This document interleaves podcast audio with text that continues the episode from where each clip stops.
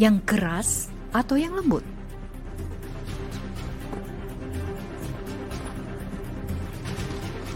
Yang menjadikan anak sukses. Saksikan 14 Oktober 2020 jam 15.30 sampai dengan 16.30 waktu Indonesia bagian Barat bersama obrolan dapur ibu.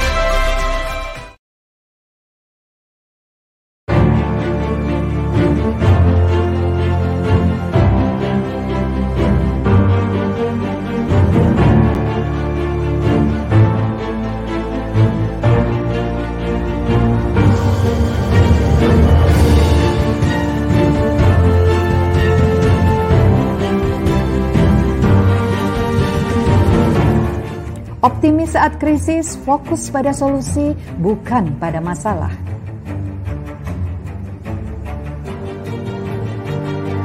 Kerjakan apa yang kamu cintai, hal ini akan membuatmu tangguh karena kamu menciptakan kebahagiaanmu. Temukan tim, di masa seperti ini banyak merasa senasib sepenanggungan, saatnya cari teman. Bagikan kebaikanmu, sekarang saatnya berbagi apa yang kamu miliki tidak harus berupa materi, bisa juga tentang semangat diri.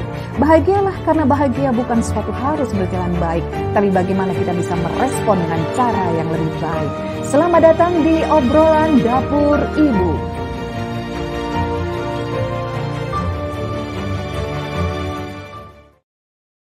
Halo, apa kabar Ibu Indonesia? Selamat berjumpa kembali di obrolan dapur Ibu. Selamat hari Rabu, hari yang penuh ilmu ya. Karena kalau kita online biasanya pik-piknya itu dari di hari Rabu ini. Biasanya paling sibuk itu ada hari Rabu ya. Di hari Senin kita sudah mulai adaptasi hari Selasa oke okay lah mulai dengan aktivitas baru di pekan ini.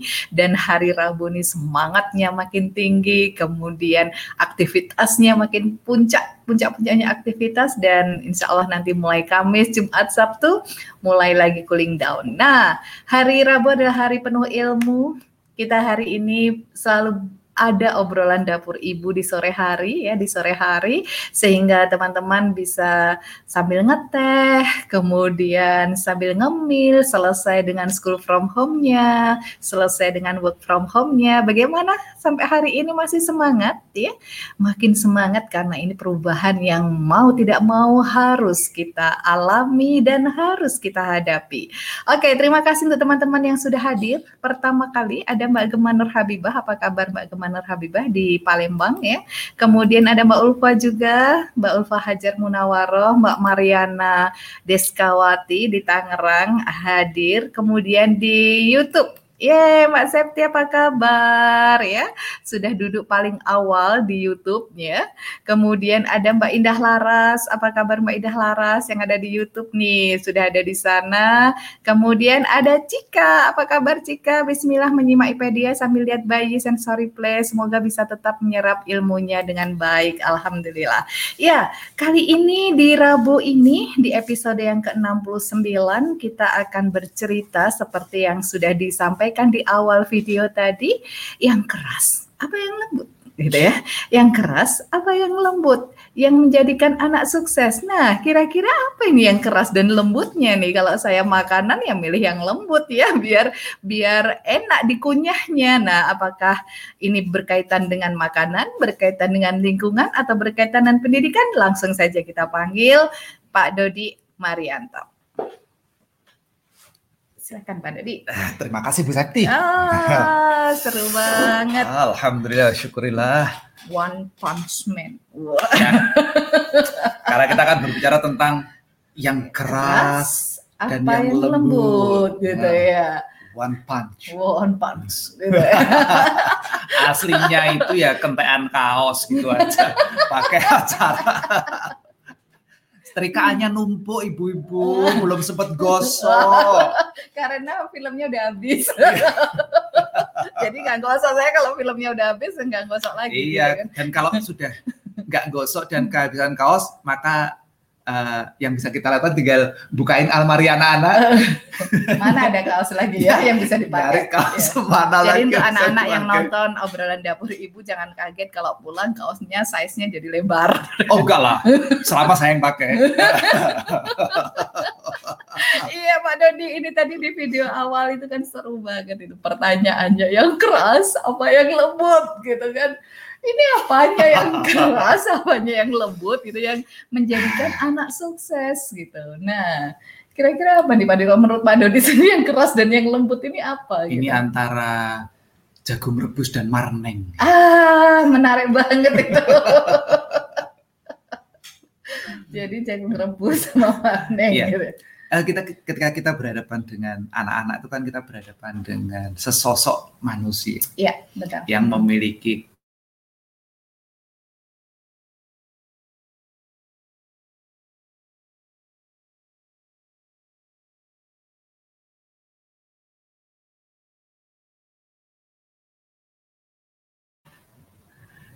salah seorang sahabat saya Hmm. dulu me- menasehati Iya. saya itu begini nih. Dot didik anak itu kayak megang agar-agar di tangan. Hmm, hmm, hmm, hmm. Kalau terlalu longgar jatuh ambiar. Ambiar. Terlalu kenceng remuk jadinya. Heeh. Nah, terus takarannya takarannya itu adalah pada rasa. Hmm. Ah. Pegangan rasanya Iya, gitu ya. itu itu yang takarannya. Jadi nggak Iya. bisa kita me- berapa seberapa kuat ya Mm-mm. gitunya itu. Hmm, hmm. Karena agar-agarnya kita juga tidak tahu persis yang yang di tangan kita ini apakah jenis yang guyur-guyur seperti Iya. Apakah Eh, terlalu banyak air ah, gitu kan? banyak air, Jadi atau cepat hancur gitu yang ya. jenis kenyal, Kenyal. jelly, Iya. nah semacam iya. itu Masing-masing ya itu ya. masing-masing sehingga Mm-mm. takarannya apa? Takarannya adalah rasa. Hmm. Gitu. Iya. Nah, kemudian eh, saya juga jadi ingat eh, ini ini cerita tentang kakak kelas saya. Hmm. Kakak kelas saya yang sekarang boleh dibilang termasuk sukses lah. Iya. Eh, bukan hanya sukses dari segi material, Mm-mm. secara spiritual dia termasuk eh, apa? Idola dari banyak kaum muda Hmm, hmm, hmm, eh, secara spiritual. Menarik sekali itu eh, dengan gayanya. Nah dia itu pernah bilang gini, eh cak, yang bapakku biar nggak gesper aku. Gitu. Jadi Ah, kalau bapak saya itu dulu sampai apa tidak memecut saya. oh iya. pakai- Beneran itu, Beneran. beneran dipecut beneran pakai gesper. Gesper, itu ikat pinggang. ikat pinggang. Oke. Ha. Nggak jadi kayak gini aku. Oh, Gitu. ya ya ya. ya. Lecutan itu yang bu- membuat nalarku bekerja karena hatiku berontak, Oh, nggak terima. Iya. Nalarku bekerja dengan baik. mm-mm.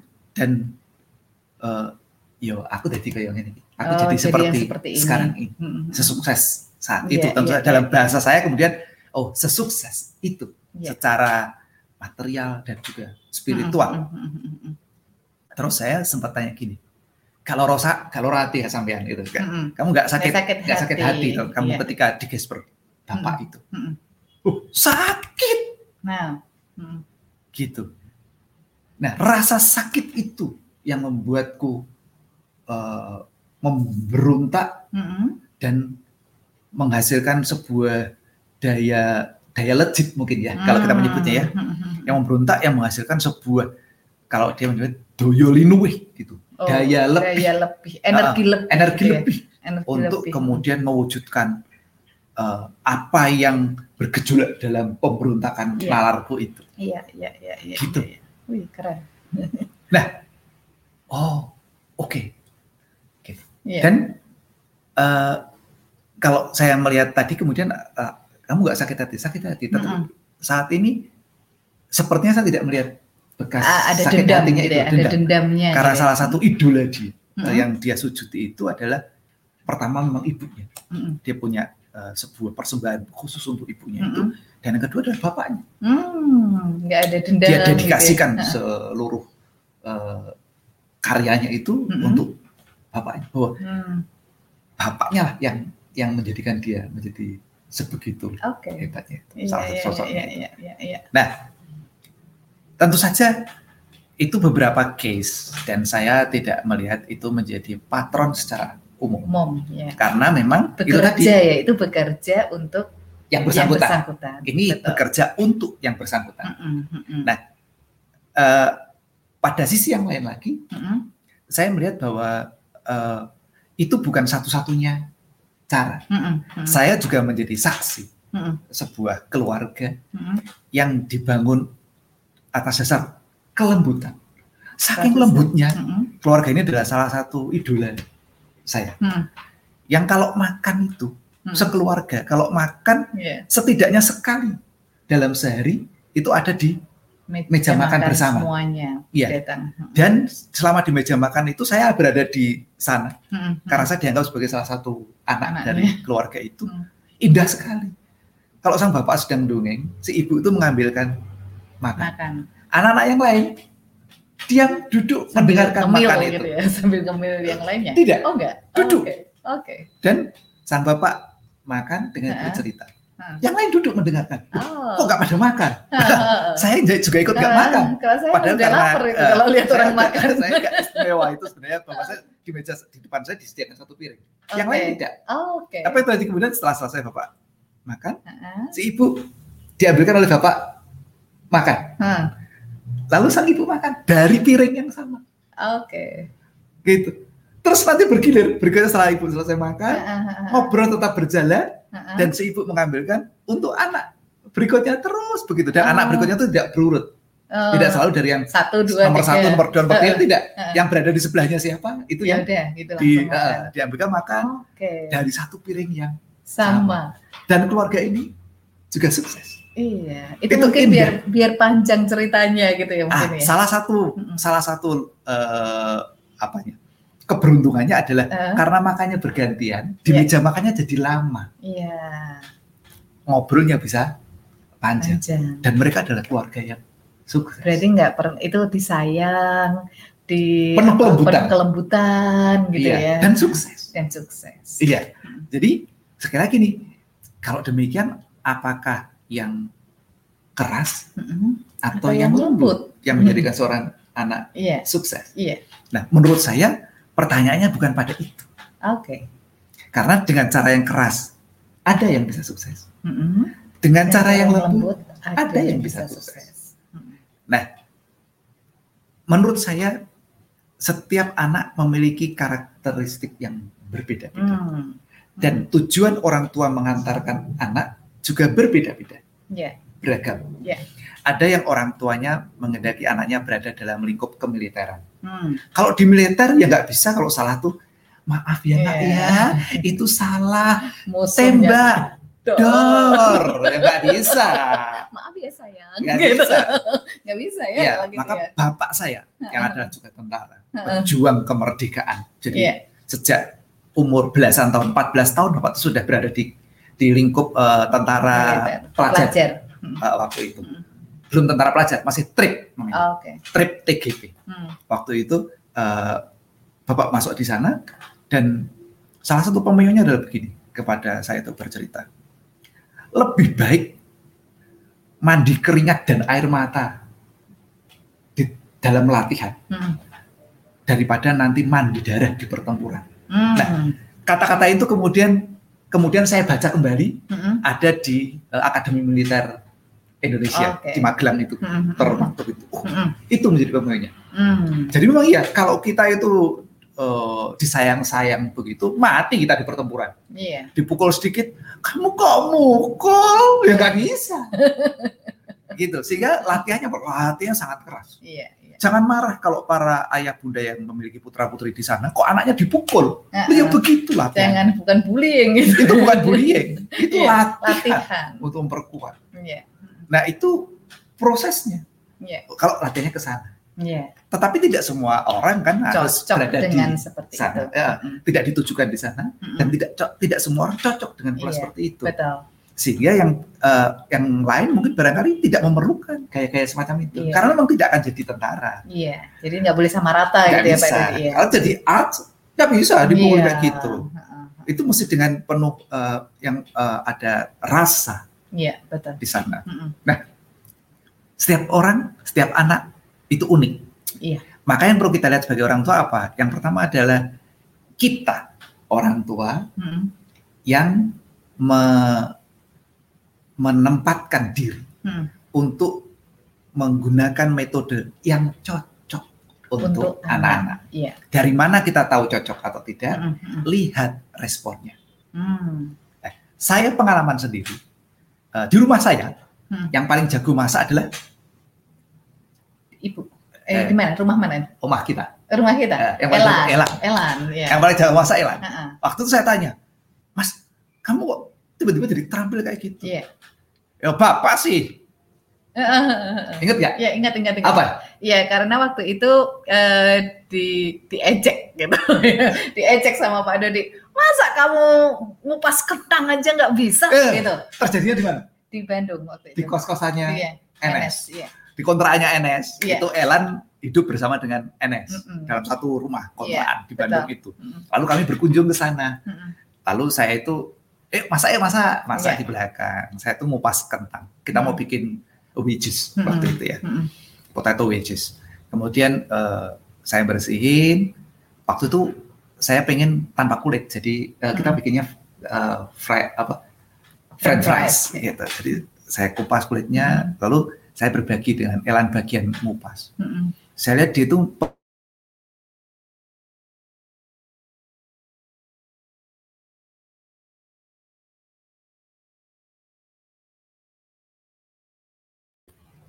ini guyon saya sebenarnya Iya. ketika saya bilang alah dong ngupas kentang aja kok Nggak nggak bisa gitu Sakit hati eh, ya ternyata. rupanya dia sakit hati sakit hati itu. Iya sakit benar. hati nah rasa sakit hatinya itu membuat dia kemudian menjadi seorang chef yang handal Iya. di rumah kami yang paling Iya, piawai di rumah piawai. kami menggunakan pisau memasak aneka macam masakan Iya. elah yang Iya. paling piawai tapi ket- ketika kemudian dia memberitahu saya bahwa dia menjadi seperti itu karena saya dianggap mengejek dia saya tidak pernah lagi memilih cara itu dan saya tidak mau menggunakan cara itu meskipun saya melihat hasilnya bagus Bagus. Mm-mm. gitu karena itu bukan style saya Hmm. yang semacam itu Hmm. jadi itu yang yang yang kemudian saya bilang, oh hasilnya bagus tetapi saya tidak menyukai cara itu Mm-mm. Mm-mm. Nah, Eh, saya memilih cara yang lain Hmm. itu artinya saya menggunakan aneka macam eh, gaya dan metode berkaitan Iya. dengan anak tetapi saya juga memilih mana yang menurut keyakinan saya akan mengantarkan anak dengan sebaik-baiknya sebaik-baik Hmm. itu apa mencapai hasil yang terbaik terbaik versinya Dan- ya. Mm-mm. sesedikit mungkin menimbulkan Luka. luka. Mm-mm. Karena apa? Kalau kita menginginkan anak kita itu kuat, ya tidak mungkin kalau kita itu menjadikan anak kita itu kulitnya harus kayak pualam, nggak boleh luka. Hmm. Bagaimana mungkin rasa apa eh, otot yang Hmm, kuat hmm. itu tanpa latihan Mm-mm. yang Mm-mm. memadai. Mm-mm. yang keras, Hmm, yang hmm, mungkin akan terbentur sana, terbentur sini, tergores sana, tergores sini. Iya. Itu harus kita terima yang semacam itu. Iya. Nah, saya mencarikan sesuatu yang yang cocok untuk setiap anak-anak. Anak. Lalu dari mana kita tahu bahwa itu cocok? Iya, Sekali lagi ya, dari mana kita tahu? Maka Hmm. saya, menurut saya, ini berdasarkan dari eh, karena latar belakang saya juga di teknik fisika. Segala sesuatunya itu berdasarkan pada pengukuran. Iya, diukur ya, Nah. ada indikator gitu ya. Nah, kita menetapkan indikator. Hmm. Maka yang kita lihat adalah respon dari anak itu. Hmm. Mm-mm. Mm-mm. Respon apa? Di sana ada respon berupa hasil. Mm-mm. dan respon berupa rasa. Oke. Respon hasil dan respon rasa. Iya. Jadi barangkali hasilnya bagus, anak Hmm. jadi juara satu, Mm-mm. tapi tidak bahagia. Hmm. Saya tidak suka Iya, iya, iya, iya, iya. Anak bahagia itu luar biasa. Orang nggak naik kelas juga setiap Hmm. saat kan nggak juga itu. Iya, iya, iya. Wah dia saking senangnya gembira ke mana-mana, Heeh. tapi dalam jangka yang panjang dia akan sangat menderita Iya. karena eh, dia tidak akan mencapai hasil Optimal ya. Untuk untuk proses pengembangan Mm-mm. dirinya. Mm-mm. dalam sisi intelektualitas, eh, kemahiran dan Iya. sebagainya. Karena, kita kadang membiarkannya om- abai gitu ya. Ya, Ya, kadang. wes ah, terserah. sudahlah terserah lah gitu. Itu itu yang nggak boleh adalah yang terserah gitu kan Iya. sebenarnya. Nah, maka pada eh, baris yang optimum Iya. ada di sana itu Mm-mm. anak eh, unggul dan dengan eh, Bahagia. ya proses yang sebaik-baiknya Iya, untuk iya. mencapai itu. Ini semua tadi yang kita lihat itu tadi. Bagaimana responnya? Mm-mm. Hasilnya seperti apa? Mm-mm. Rasanya bagaimana? Iya. Rasa itu bisa kita lihat dari indikator Wajah. ya wajah dan bahasa, Bahasa. eh, kemudian juga eh, body language, Mhm. eh, gerak-gerik dan Mm-mm. sebagainya. Mm-mm. Bisa juga kita tanya langsung, Iya. ya, Iya. gimana rasanya? Iya. Eh, apa pendapatmu Iya. dan lain sebagainya. Kamu maunya yang seperti apa? Betul. Gitu ya. Nah, kemudian setelah kita melihat responnya itu Mm. diobrolkan setiap saat Iya. untuk mendapatkan kesesuaian. Iya. Karena barangkali apa yang kita pikirkan dan yang dipikirkan anak sudut pandangnya bisa berbeda. Iya, iya, iya, iya. Yang kita perlu selaraskan adalah sudut pandangnya terlebih dahulu. Iya. Kemudian menyepakati proses yang dijalani. Mm-mm, mm-mm. Jadi saya memang bilang pada anak-anak bahwa eh, ada kalanya kamu akan eh, tidak suka dengan sesuatu. Mm. Tapi saya mengutip apa yang di dalam Al-Quran itu bahwa sesuatu yang tidak kita sukai boleh jadi sebenarnya baik untuk kita. Iya. Gitu. Iya. Nah itu yang yang eh, saya akan sampaikan bahwa Tanamkan, yang ya. ini Mm. barangkali tidak nyaman, mm-mm. tetapi ini akan membuatmu seperti ini. Iya, Nah yang ini begini, Iya. hasilnya akan seperti ini. Mana yang kamu pilih? iya, betul. Sehingga anak menentukan sendiri eh, dalam level apa dia hendak memilih tantangannya itu, Iya, iya, di grade apa. iya.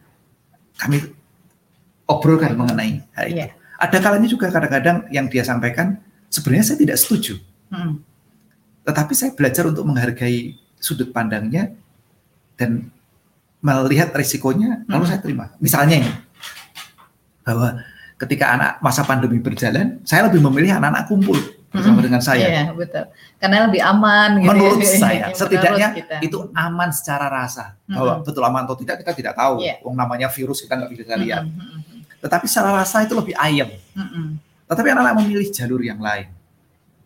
Meskipun saya rotuk-rotuk Iya, apa berat gitu, tapi saya belajar untuk menerima. Memahami. Karena itu yang yang pilihan ya, Ya, dan menghormati pilihan, menghormati pilihan. keputusannya. Iya, saya kemudian eh, bertindak untuk merespon Mm-mm, hal itu, mm-mm. menyesuaikan responnya. Iya, Memang tidak mudah. iya betul. Mm-mm. Yang lembut atau, Atau yang, yang keras. keras, iya. Menurut saya akhirnya adalah kita akan melihat mana yang cocok Iya. buat anak-anak itu. Iya, ini jadi jadi apa muncul hal yang menggelitik di saya nih Pak Dodi.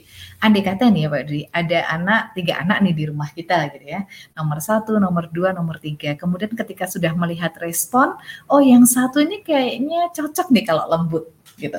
Yang dua cocok nih kalau keras. Yang ketiga cocok nih kalau moderat gitu misalkan. Nah itu bagaimana cara kita orang tua setelah melihat respon gitu ya? cara orang tua meng- menghadapinya agar tidak disebut sebagai pilih kasih.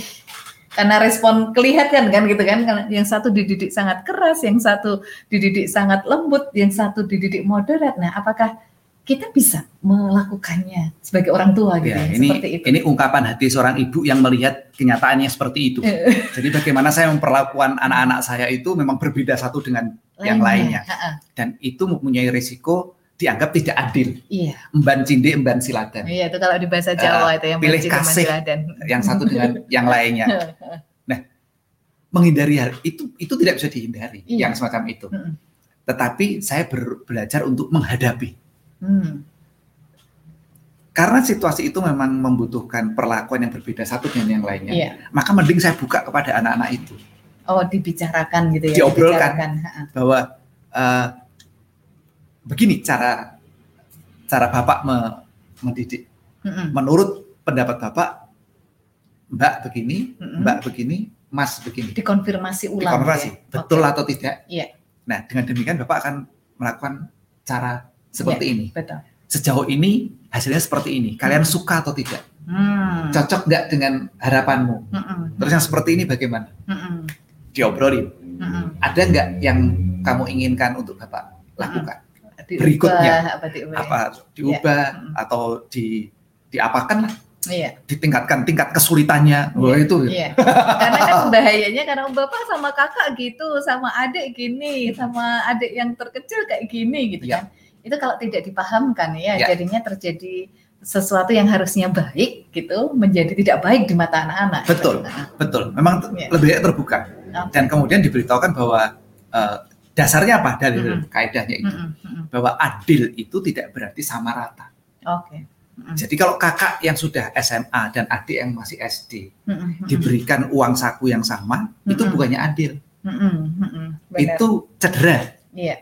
Menzolimi sang kakak itu malah Mm-mm. akhirnya karena kebutuhannya berbeda Iya. sama kalau bayi adik yang masih bayi dan kakak yang sudah mulai masuk SD diberi makanan yang sama juga zalim itu Iya, iya. karena memang kondisi perutnya berbeda-beda Iya. belum yang adik yang masih bayi belum tumbuh Iya, baik pencernaannya Iya. kuat untuk heeh. menyerap makanan yang sama dengan kakak giginya pun belum utuh Iya. jadi adil itu kemudian adalah sesuai dengan yang Kebutuhan diperlukan dan kadar. kebutuhan masing-masing. itu Iya. disampaikan Iya. bahwa memang tidak akan sama Iya. lalu saya sampaikan bahwa eh, ya ini begini yang ini begini mm-mm, mm-mm. dan saya eh, lebih enak berterus terang bahwa untuk pendidikan Mbak, Mbak memilih masuk ke sini. Bapak sudah mengeluarkan dana sekian. Nah, kalian yang tidak masuk ke sana, apakah juga menghendaki dana yang sama Oke. untuk Bapak keluarkan? Iya, iya. Yang semacam itu. Jadi lebih baik diomongin. Eh, ya. diomongin. Iya. Karena ada yang satu sangat seneng banget kalau dapat dana, yang satu eh, merasa apa namanya terhina banget kalau dikasih dana. Nah Iya. itu kan ada juga ya Iya. gitu ya. Hati-hati, tidak semua anak Iya. suka dengan uang saku. Saya Iya. mengalaminya soalnya. Sehingga mending dikonfirmasi. Iya. Eh, apa, eh, apakah boleh Bapak Iya. mengirimkan, Mm-mm. Mau ngirim uang aja saya minta tanya loh. Iya, boleh nggak ngirim Iya. ya? Karena ada yang ada anak-anak kami itu yang merasa dihina sekali kalau dikirimi uang gitu kan. jadi oke, jadi harus pintar-pintar gitu, harus pintar-pintar menempatkannya. Tapi ini Iya. berarti orang tua yang harus paham dan sebenarnya tidak tidak apa ya istilahnya kekeh itu. Aku kan lembut gitu kan. Ibunya misalnya, aku kan lembut, aku nggak bisa kalau didik keras-keras kayak gitu gitu. Ya, kita Gitu sebagai ya. orang tua yang memang perlu untuk belajar memperbanyak cara, dan Cara metode ya. bahwasanya untuk bisa uh, memperlakukan anak secara adil Iya, dan tepat tepat. dalam hal ini. Saya menyadari betul bahwa sebagian besar kalau boleh seluruh orang tua lah itu pasti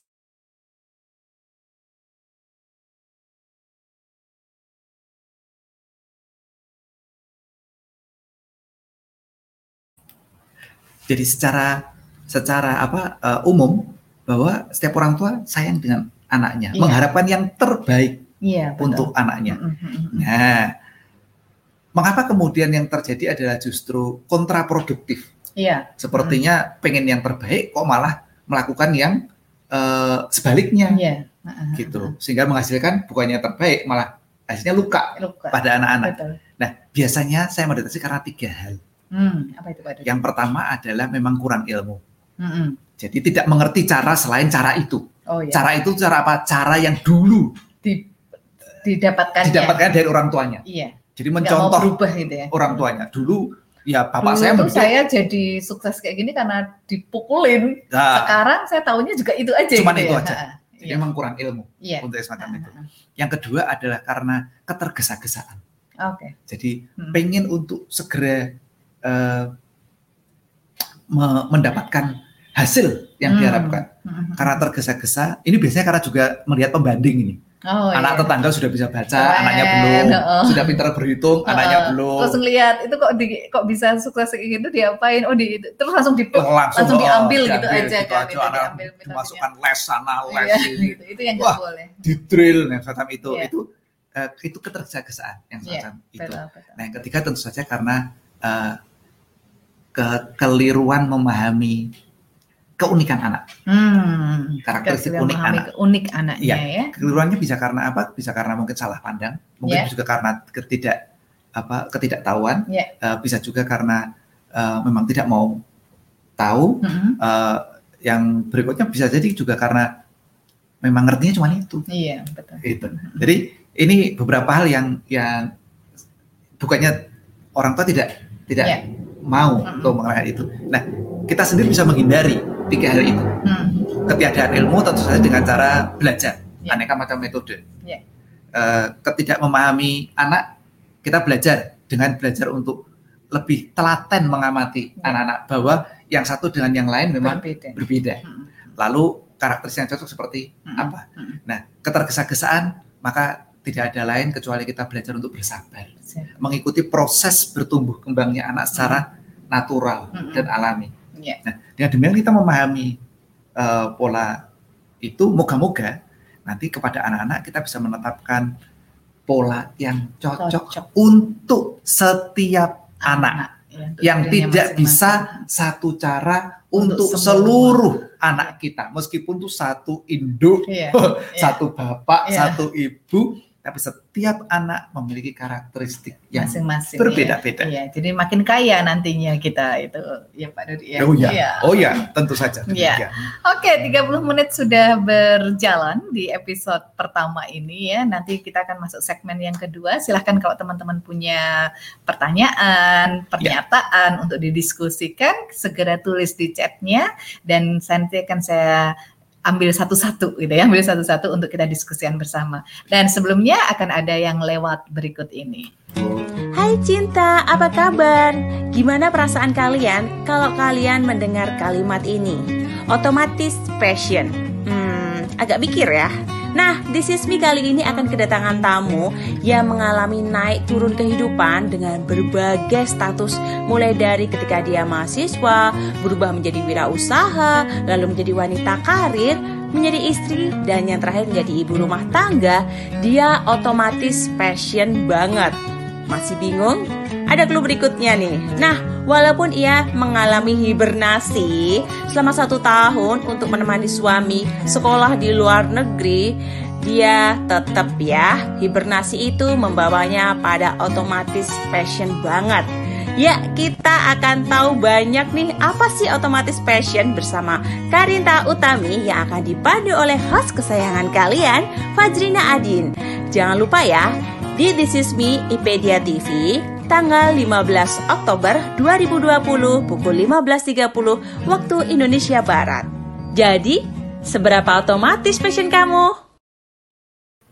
Ho ho, hai cinta, gitu ya.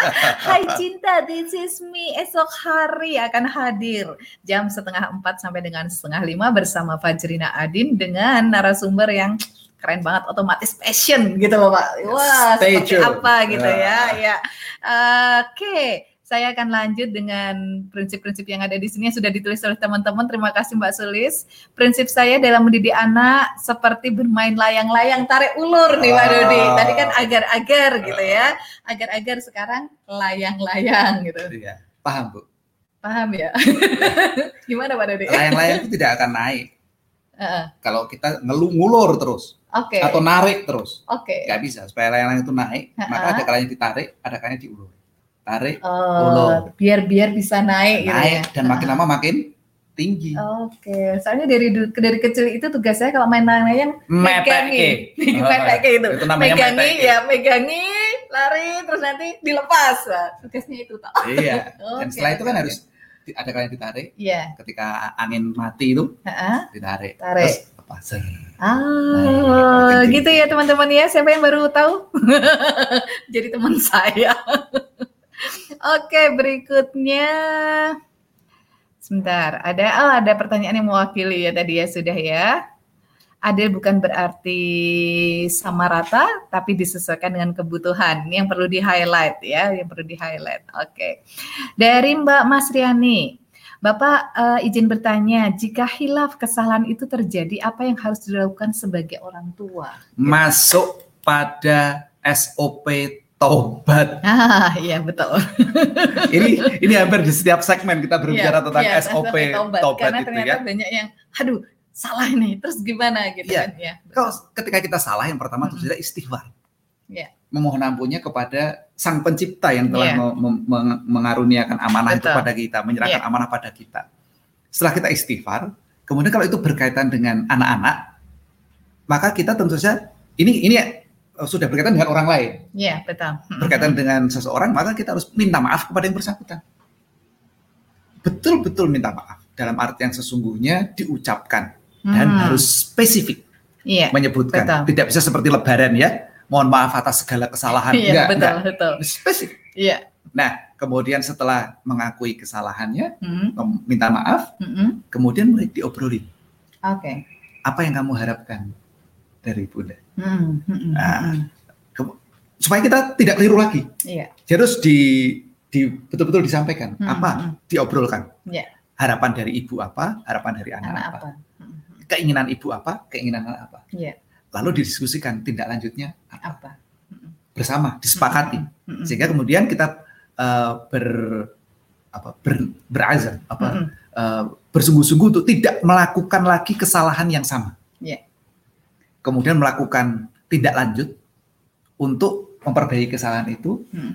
dan berbuat baik sebaik-baiknya dengan harapan Allah akan mengampuni kita dan menurunkan rahmatnya sehingga kesalahan itu tidak akan terulang Terulang, kembali iya. atau terjadi lagi kesalahan-kesalahan yang serupa. Mm, mm, mm. Begitu seterusnya. Iya. Yang kita Terus lakukan. seperti itu ya. Ini SOP tobat dan Iya. macam itu Jadi- yang sudah Kita juga sudah membahas khusus nih di episode obrolan dapur ibu ya tentang bagaimana kita ada SOP tobatnya itu tadi. Jadi cek lagi ada ya. Bu, ya Ada ada ada. judul tersendiri ya. Iya, ada ada judul tersendiri. Iya. Udah Saya lupa tapi episode keberapa ya, ya. episode keberapa sudah 69 bingung. Besok 70. Aduh. Iya. Eh, Mbak Ana Patmasari, apa kabar Mbak Ana? Semakin banyak anak, semakin kaya pengalaman ya Bu Septi dan Pak Dodi. Adakah tips dan trik untuk saya semakin mengenali anak saya yang saat ini sedang mondok? Awal-awal bersamai saya kurang ilmu. Iya. Iya. Eh, saya sih tidak menyarankan untuk beranak lagi bu ya.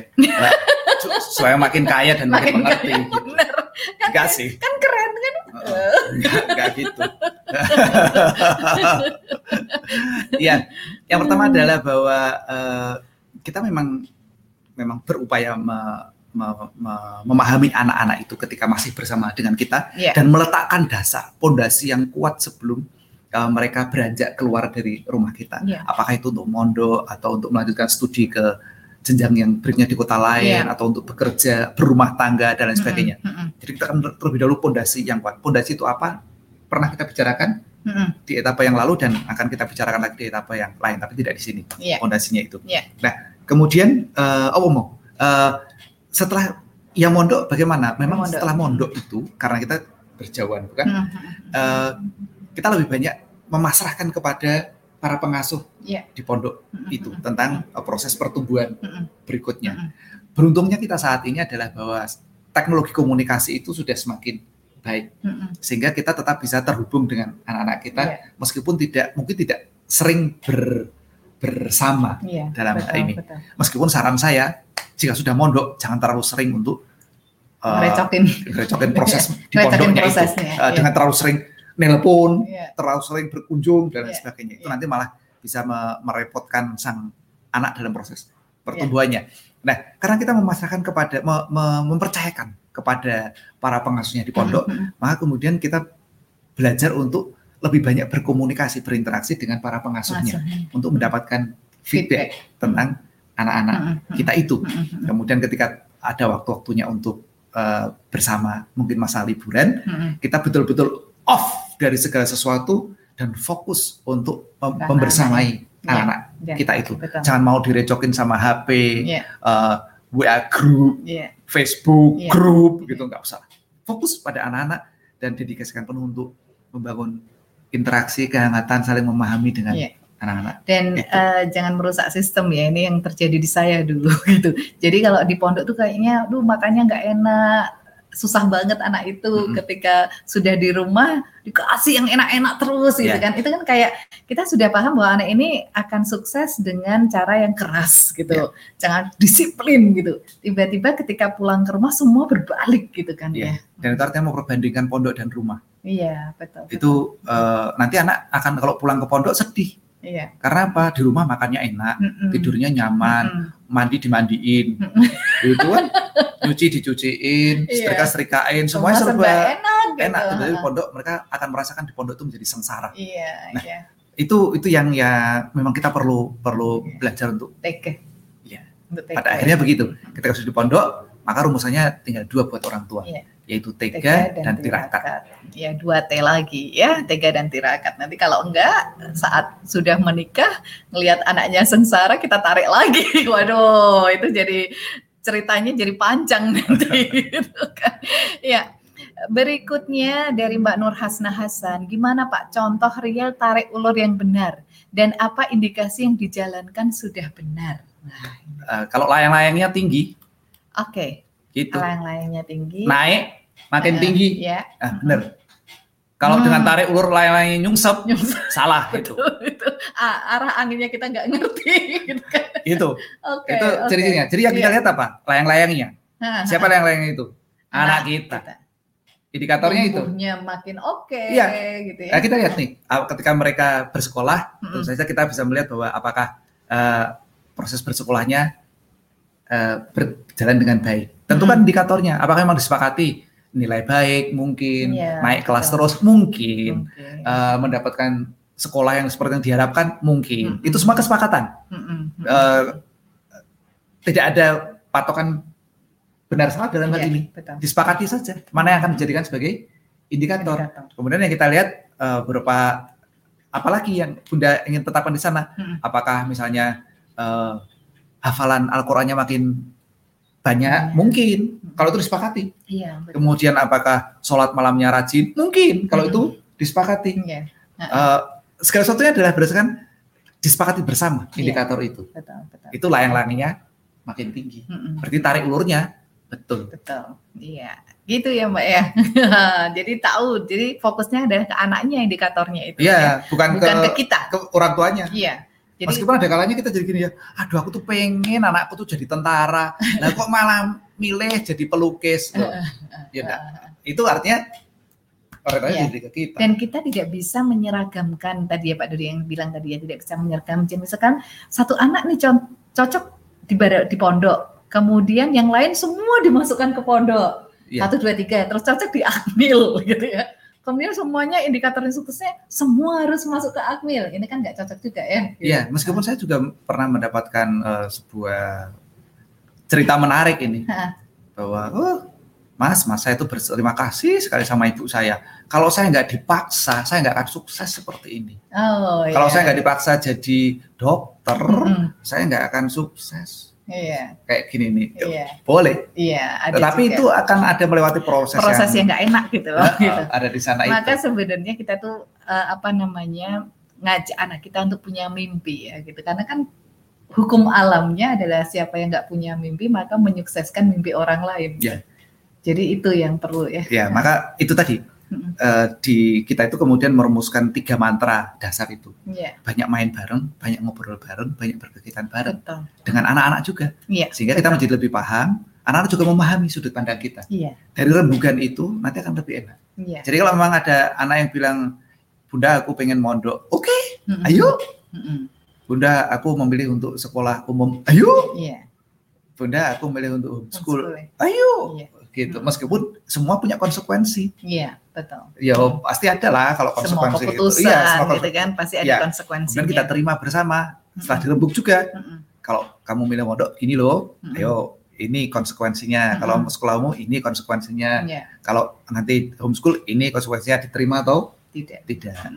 Iya. Itu semuanya Iya. dipahami. latihan mengambil keputusan. Iya. Ya. Dan boleh merevisi kayak Pak Dodi. Oh, ya? boleh. Ah, iya, Boleh boleh, keliru. merevisi, boleh keliru, boleh merevisi dan nggak apa-apa gitu kan. Ah, Cuma konsekuensinya diterima. Diterima. Iya, misalkan jadi agak molor waktu belajarnya ya nggak apa-apa karena memang harus pindah ke sekolah lain. Nah, gitu contohnya Ya. kan itu. Ya nggak apa-apa gitu. apa-apa. Tapi boleh direvisi, itu Ya. yang penting. Dan jangan pernah malu gitu loh kita Oh iya, sebagai orang tua kemarin di pondok kok nggak tahan kemudian pindah ke sekolah formal nggak tahan pindah ke homeschooling gitu kan gitu oh ya nggak apa. Ya, Itu juga harus diterima. Itu konsekuensi. konsekuensi Iya, ketika eh, anak mondok kemudian kemudian bergeser ke sekolah umum yang Iya. yang tidak boarding, Mm-mm. tidak masuk kategori pondok itu pasti akan banyak yang nanyain, Mm-mm. "Eh, kenapa? kenapa Kok mentalmu itu nggak kuat ya nggak kuat ya?" dan sebagainya. Nah, itu adalah Aduh. konsekuensi yang harus Iya. di dilatihkan pada anak-anak. anak-anak diterima Jadi ya gitu. kami kami belajar untuk bahwa segala sesuatu akan ada konsekuensinya dan Mm-mm. kami belajar untuk tidak melarikan diri dari Iya, konsekuensi itu. betul betul betul. Kami memilih untuk menghadapinya. Iya. Iya, Itu latihan. Latihan. Heeh, jadi nggak apa-apa. betul. Jadi keliru itu mumpung bapak ibunya masih kuat, Nggak apa-apa. lebih enak keliru sekarang sehingga kita masih bisa membantu. Iya. Urun rembuk paling Iya. tidak itu.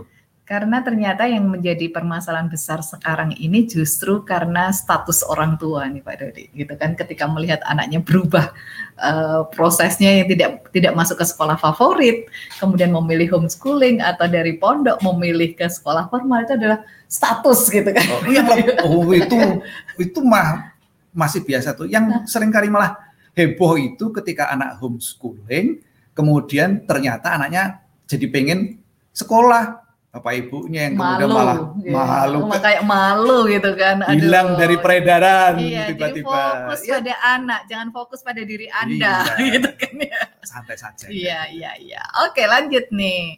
Dari Mbak Anissa Diara, Pak Dodi dan Bu Septi, apakah ayah dan ibu harus sama cara mendidiknya? Misal ke anak satu sama-sama keras, atau lebih baik ayah dan ibu memiliki pendekatan yang berbeda. Ayah keras, ibu lembut. Nah, ini Pak Dodi. Ah, begini, lembut dan keras itu bukan persoalan mukulin sama tidak ya, gitu. Heeh, Jadi heeh. ini bukan bukan apa keras itu dipukuli, Iya. terus lembut itu di Sayang-sayang los terus, bukan, bukan. pernah dimarahin gitu ya. Ini adalah eh, ini tidak berkaitan dengan masalah kekerasan fisik. Iya. Ketika kita berbicara mengenai keras, Keras dan, dan lembut. lembut. ini. Mm-mm. Nah, bapak dan ibu sebagai orang tua dari anak-anak Hmm. itu memang perlu memiliki keselarasan sudut pandang. Iya. Tetapi boleh menggunakan cara yang berbeda. Iya. Nah, yang saya maksudkan mesti selaras itu adalah bukan berarti begini. Ketika ayah bertindak tegas dalam hal ini, Hmm. mungkin kategorinya keras, Mm-mm. lalu ibu menjadi juru selamat melindungi anak-anaknya. Iya, Tidak bisa demikian. Bahaya sekali itu. Itu menjadi eh, seolah-olah nanti akan diadu domba nih antara ayah dan Mm-mm. ibu Mm-mm. dalam hal ini. Mm-mm. Maka perlu selaras. Jadi kalau dulu kami itu eh, begini, kalau saya sedang eh, marah kepada anak-anak misalnya demikian ya, Mhm. maka bunda akan duduk tenang dan ikut mendengarkan. Iya. Dan anak tidak bisa lari kepada ibunya. Tidak memihak ke mana pun gitu Iya, kan. karena ibunya berada di sini. Iya. Nah, tugas ibu memang waktu itu adalah solawatan supaya bapaknya nggak nggak Kebablasan. kebablasan marahnya gitu. Iya, marahnya cukup di mulut. Kalau Ah. saya kalau saya itu berdoanya adalah ketika Pak Dodi marah gitu, saya Umi itu berdoa agar apa? Marahnya cukup di Di, mulut. oh, di wajah Oh, saja. cukup di wajah, jangan di hati. Hatinya gitu kan. tetap adem, harus Iya, tetap adem. iya. Jadi nalarnya tetap waras. Iya, gitu. betul. Nggak nggak menjadi emosional dan wah lepas Iya. kendali, lepas Betul, kontrol. betul. Jadi itu cara orang tua marah. Cukup Mm-mm, pada ekspresi mm-mm, saja. mm-mm. Hatinya tidak boleh ikut marah. Karena kalau Mm. hatinya ikut marah, doa yang terlantunkan ini wah bahaya sekali itu. Nah, eh, apa mau tuh katakan ayahmu? Terus Kan Bapak, Bapak Ibu ini, Bapak Apakah- Ibu selaras Nah, ya. jadi, Ah, eh, bahwa mereka nggak bisa berlindung kepada ibunya atas kesalahan yang yang hal Iya. yang sama yang sedang dibicarakan itu. Iya. Itu namanya selaras. mm-mm. Tetapi bahwa bunda itu kategorinya yang lembut, lembutnya. Jadi kalau sudah demikian melihat ini, maka kemudian bunda akan begini, "Min- minum ya, yuk Mm-mm, bunda buatin teh hangat mm-mm. gitu. Tapi tidak Sudah. tidak eh, apa mengcounter balik Iya. apa yang diucapkan oleh bapaknya Iya, kan itu. ah, Ha-ha. Jadi tidak tidak men- menjadikan gitu. Ayah tuh memang gitu ya. Kamu yang paham tentang ayahmu. Nah, kadang-kadang tuh ayah tuh memang nggak bisa mikir. Loh, loh, malah parah jelek-jelekin ayahnya. Nggak kayak gitu. Jadi gini. Nah, kamu paham kan? Ayah marah karena apa? Iya. Malah mengkonfirmasi nih. Apakah yang disampaikan ayah tadi itu diterima baik oleh sang anak? Kemudian, iya.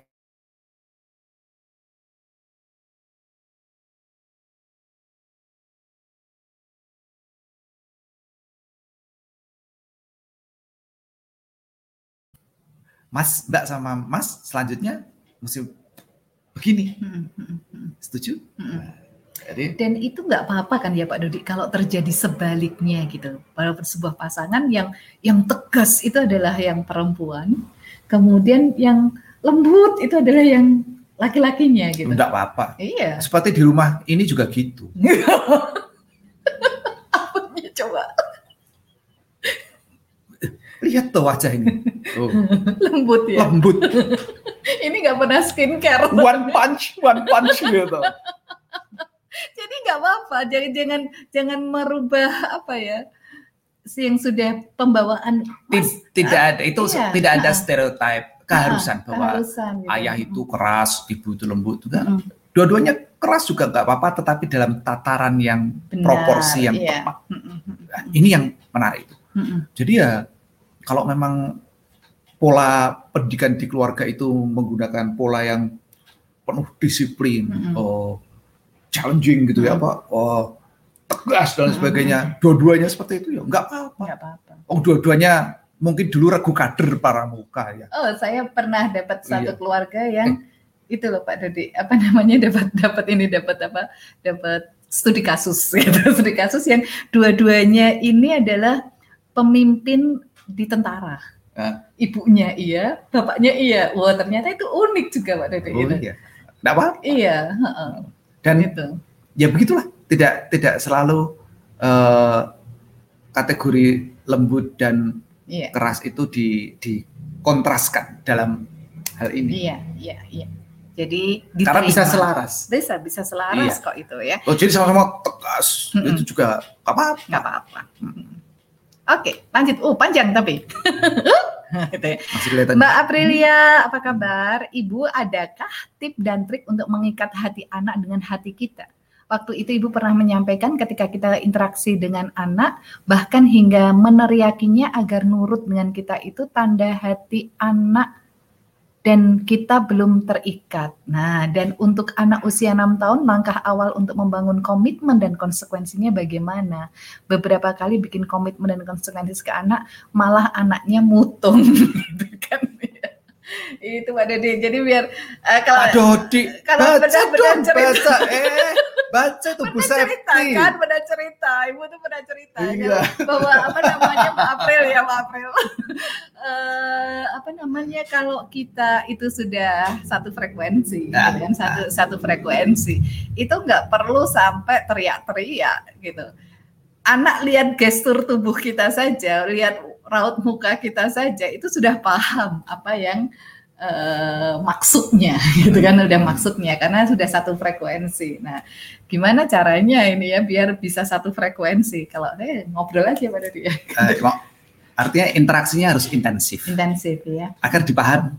Iya. Bahasa itu kan eh, buah dari interaksi. Iya. Mm-mm. Jadi eh, bahwa ketika saya berbicara eh, A, Mm-mm. anak memahaminya dengan A. A, iya. Itu nggak bisa kalau hanya di drill, mm-mm. harus melalui sebuah proses interaksi. Karena Interaksi. lebih banyak yang non verbal pada kita ini Iya. dibandingkan yang eh, verbal, mm-mm. yang yang akan ditangkap oleh anak-anak dan Iya. yang terlontar dari Iya. diri kita. Mm-mm, mm-mm. Makin intensif interaksi itu nanti akan lebih eh, memunculkan pemahaman, Hmm, pemahaman dan kemudian barangkali akan muncul kesepahaman Iya. dalam hal ini. Mm-mm. Jadi eh, jangan berputus asa sudah berapa kali bikin komitmen, Mm-mm. Jadi komitmennya tuh bikin lagi. bikin lagi dan Iya. apa namanya pendek-pendek. Ya, satu-satu kalau saya, gitu kalau saya satu-satu di Durasinya jangan panjang-panjang. Iya, durasinya Anak masih enam tahun loh. Iya, enam tahun. 6 tahun gitu. durasinya yang pendek, yang pendek aja. gitu. jumlahnya satu, dua cukup. aja. Oh, jangan banyak-banyak. Hmm. Lalu belajar menepati dan kemudian diobrolin Diobrolin gimana lagi. rasanya. Iya. Balik lagi ke rasa. Nah, Karena anak itu akan eh, melanjutkan apa yang membuatnya bahagia. iya, Kalau dia merasakan hal yang tidak membahagiakannya, dia akan berhenti. iya. Jadi apa sih asiknya menepati komitmen itu? Mm-mm. Kalau nggak ada keasikannya buat dia, dia akan apa, Iya. cenderung menghindari komitmen itu. Apa sih asiknya berkomitmen nyapu? Nyapu itu hanya meringankan beban ibu. Lalu apa menariknya buat anak? Mm-mm, mm-mm. Kalau menariknya adalah kamu harus bantu ibu, meringankan beban ibu, Enggak, maka itu tidak. tidak menarik Tidak buat menarik. anak. Iya, betul. Karena apa? Itu menariknya buat ibu. Itu kan kesukaan ibu. Gitu. Aku membantu itu kesukaan ibu. Oh, itu menjadikan ibu senang. Itu tidak menarik buat Iya, anak-anak. betul. Apa yang menarik untuknya? Bahwa dia kemudian menyapu. mm-mm. Itu di diobrolkan, dilatih. Iya, dan itu harus di, memang benar itu kuncinya dari Pak Dodi tadi latihan, latihan dan latihan sampai anak bisa mengungkapkan gitu. Mengungkapkan kalau dulu Elan itu kalau menyapu gitu kan seneng banget. Saya tuh dan itu durasinya aja nggak nggak selama sepanjang dia menjadi anak saya seneng nyapu gitu kan. Seneng nyapu seneng nyuci piring gitu waktu itu. Kemudian saya tanya mas mas kok tumben nih mas dalam jangka waktu seminggu dua minggu ini? Kamu keren banget sih nyapu nggak usah disuruh cuci piring nggak usah disuruh. Itu ngapain mas? Iya karena aku pengen nanti kalau dapat istri itu jadi partner bukan jadi pembantu gitu kan jadi pembantu rumah Keren tangga keren kan Umur, saya gitu umur berapa itu? umur berapa itu 10 kali ya itu ya 10 apa 9 Umur gitu 10 sudah memikirkan memikirkan istri, istri. gitu kan gitu. aku harus latihan nih bu kenapa biar nanti istriku jadi partnerku bukan jadi pembantuku gitu Hmm. kan ah, Siapa iya, tuh iya, iya. bapaknya? bangga banget ya. aduh aduh aduh aduh aduh aduh ya Allah lanjut Mbak Gema oh panjang juga ya Oh, apalah. Oke. Heeh. ada istilah yang mengatakan bila kau tak keras pada dunia maka dunia akan keras terhadapmu. Namun ada orang tua yang dengan jelas mengucapkan kalau ia tak akan membiarkan dunia keras pada anak-anaknya, hasilnya anak tak terbiasa mandiri, tapi orang tua tetap kekeh menyuruh orang lain di sekitarnya untuk membahagiakan anak-anaknya itu. Bagaimana sebaiknya kita menyikapi orang yang seperti ini, Pak Dodi? Ya biarin aja orang lain. Oh, iya. Mau menyikapi orang seperti itu, ya biarin. biarin. Urusan kita apa? Efek sama anak kita, Pak. Oh, pusing amat mikirin orang. kita pikirkan saja apa yang yang akan kita kerjakan pada Iya. anak-anak itu. Mm-mm. Selama tidak mengganggu sistem keluarga kita. Mm-mm. kalau nggak mengganggu sistem keluarga kita biarin aja gitu kan tapi kalau ternyata itu mengganggu gitu mengganggu sistem di keluarga kita misalkan ada hubungan erat hubungan dekat yang berefek pada anak nah mulai dipikirkan yang itu Oh, yang pertama ada Mm. demikian. Itu nanti panjang ceritanya jadinya. iya betul Kalau ternyata yang mengganggu adalah bapak ibu kita, kita nggak boleh tuh mem- me- me- memotong Iya. apa pendapat bapak ibu kita. iya betul Ya, kita aja yang keliru kita kenapa tetap ngikut pada bapak ibu Mm, ketika sudah mandiri Mm, mm, berkeluarga yang seharusnya mandiri iya betul, betul. berkeluarga. Jadi Mm. eh, tentu perlu penelaahan tentang hal seperti itu. Iya. Yang penting buat kita adalah mari kita kuatkan yang ada di dalam rumah iya kita, betul hubungan pola hubungan interaksi kita dengan anak dan pasangan sehingga solid Mm-mm. dalam satu keluarga dan fokus pada keluarga kita. Iya, Jangan betul. terlalu memusingkan apa yang eh, dikerjakan oleh orang lain. lanjut Mbak Nani ibu dan bapak bagaimana jika anak cenderung lebih dekat dengan salah satu orang tua Tapi tidak apa-apa, nggak apa-apa Eh, boleh saja kok. kan itu hak anak ya Ya, pertanyaan begini, kenapa bukan. apa Pak? Orang tuanya bagaimana? Oh, Apakah juga terima? Hmm. Kalau Iya, orang betul. tuanya tidak terima, nah baru dia beri nih. Iya. Apakah salah satu pihak suka, misalnya, apakah anak juga suka dengan eh, hanya dekat dengan salah satu orang tua? Iya. Barangkali anak juga pengen, aku tuh sebenarnya pengen dekat sama bapak dan ibu, bukan hanya dekat sama bapak atau ibu. Hmm, hmm, hmm, hmm, Oh, dia beri. hmm. Lalu bagaimana dengan sang bapak dan sang ibu? Apakah Hmm. juga oke-oke saja? Jika Hmm. oke ya enggak apa-apa. Hmm. Jika tidak oke, yang tidak oke di bagian mana? Hmm. Ayo diobrolin. Iya. Lalu dicari solusinya. Iya betul. Gitu aja. Enggak usah repot-repot. Masa repot. Bahagia gitu. Bahagia. Aduh, seneng sama bapak. Seneng sama bapak. Oh, oh, malah merdeka. gitu kan, enak banget. Tapi juga aku yang ngelahirin. Kenapa nggak deket sama aku gitu kan. Iya. Ada rasa-rasa itu yang Nah, diselesaikan. Betul. Nah, kalau ada sesuatu yang tidak diharapkan, berarti ada sesuatu yang tidak pada tempatnya. Iya. Yang tidak pada tempatnya apa? Diidentifikasi, Mm-mm. diobrolkan, Mm-mm. kemudian dilakukan tindak lanjut Iya. atas hal itu. Betul. Gitu aja. Hmm, terakhir nih kayaknya nih satu lagi ini ya.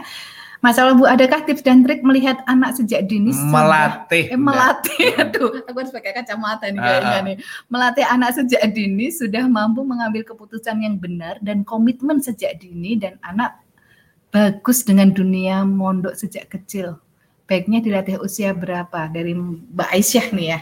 Terakhirnya gimana Pak Dodi? Sebentar. Eh, orang apa? Pura-pura ya? pura-puranya aku paham, paham. ya, paham ya Pak Dodi ya. Oke, sip. Itu aja Pinter repot. Pak Dodi. Ya. Oh coba scroll aku reso moco. Oh iya. Oke. Heeh. Jadi yang penting adalah bahwa eh, melatih anak mengambil keputusan sejak dini adalah Mhm. dengan mem- mempersilahkan, me- mempersilahkan ya apa? Mengizinkan Mhm. anak untuk mengambil keputusan sejak dini, Hmm. terutama keputusan yang berkaitan dengan dirinya. Hmm. Mulai dari hal-hal yang sederhana, Hmm. misalnya menentukan mau makan apa hari ini, Ya. makan atau tidak, Hmm. kemudian mau pakai baju apa, Ya. warnanya apa, Hmm. dan seterusnya. Hmm. Sampai kemudian memilih sekolahnya, Hmm. itu latihan semuanya. Dari yang Hmm. sederhana sampai kemudian makin lama makin meningkat Ya. eh, tingkat kompleksitasnya, Kompleksitas. ter- eh, level kerumitan dan eh, konsekuensinya. Ya. Itu latihan. Dengan apa? Mengizinkan anak mengambil keputusan. Ya. Begitulah caranya. Kemudian dalam ngobrol dilatih untuk mensistematisasikan prosesnya itu Hmm. yang cocok dengan eh, kita sekeluarga yang seperti apa proses pengambilan keputusannya itu Ya. dilatihkan. Hmm. Nah, apakah kemudian anak itu mau mondok, melatih anak mau bisa mondok dari sejak kecil? Oh bahagia mondok dari sejak kecil? Ya kalau memang itu adalah keputusan anak, pasti akan bahagia nantinya. Tapi kalau itu adalah kehendak orang tua, ya belum tentu akan membuat anak bahagia Bahagia. dalam prosesnya. Betul. Hmm. Jadi ketika anak-anak melatih sendiri keputusan dan uh, kemudian mengetahui konsekuensinya, maka ketika dia memutuskan untuk mondok, dia akan melakukannya dengan bahagia. Iya. Gitu. Gitu ya. Jadi bukan kemudian uh, men-set agar pondok lebih menyenangkan daripada yang lainnya, nggak usah. Iya. Nggak, nggak, nggak Iya. perlu repot-repot Iya. begitu. Tetapi ketika kita melatihkan dia mengambil keputusan, maka dia akan melihat, oh mana yang cocok untuknya. Kemudian nanti dibukakan wawasannya Hmm. diajak berkeliling, melihat dari satu pondok ke pondok yang lain, Iya. bersilaturahim dari satu alim ulama ke yang Iya. lainnya. Kemudian eh, melihat juga banyak eh, lembaga-lembaga pendidikan yang lain, pola-pola pendidikan yang lain, Hmm. bersilaturahim dengan para ahli-ahli pendidikan di Mm-mm. dunia yang lain. Hmm. Kekayaan itu kemudian akan membuat anak-anak bisa mengambil keputusan dengan lebih baik Iya. dan betul. mungkin lebih tepat Iya. untuk dirinya Hmm. karena dia bisa melakukannya, maka dia akan belajar untuk menerima konsekuensi atas keputusannya itu. Tidak selamanya menyenangkan dalam jangka pendek. Iya, betul. Pastilah, yo yo ada kalanya masuk ke pondok juga nangis dulu. toh. Iya. Heeh, tidak Tetapi ketika semuanya. itu adalah keputusannya, Iya, lalu dia akan belajar untuk menghadapi segala hal itu. keputusan. Iya, sama juga. Nanti Iya. ketika tidak selamanya bahwa kalau sekolah di sekolah umum itu jadi tidak ada konsekuensi, ya ada konsekuensinya. Mm-mm. Tapi karena itu keputusannya, Hmm. maka dia belajar untuk Iya. menghadapi eh, konsekuensi yang mungkin tidak menyenangkan dalam jangka pendek. Iya, betul. Gitu. Begitu teman-teman, satu jam sudah lewat ya, Yes. sudah lewat dan kita akan segera undur diri.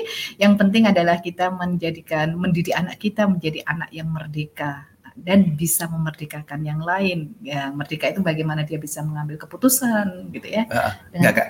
Kesimpulannya kok jadi kuwi yo. Iya, Nah, tadi kan obrolan- proses terakhir kan, kita proses apa? terakhir kan ini proses terakhir merdeka sehingga kita sebagai orang tua pun juga menjadi orang tua yang merdeka bisa memutuskan mana untuk anak kita pendidikan yang paling tepat, Ya. cara yang paling tepat untuk anak kita dan itu kadang eh, kemerdekaan orang tua. Jadi orang tua yang merasa terbelenggu itu biasanya merasa tertekan harus harus memaksakan diri gitu ya, Hmm. harus memaksakan diri ke Ya. anak-anaknya. Ya, Gitu ya, pada akhirnya Didi demikian. ya. Jadi Iya. one punch man itu nggak akan bisa jadi one punch man tanpa sebuah kerja yang keras dalam hal ini. Tapi kan hatinya itu lembut. Lembut. Iya. Dia memukul bukan karena dia benci atau marah, Karena karena dia man. nonsen. Oke, terima kasih. Salam semuanya. Sampai jumpa hari Sabtu. Insya Allah kita akan bertemu dan tetap setia di IPedia TV. Esok hari ada This Is Me ya. Dah. Assalamualaikum. Waalaikumsalam.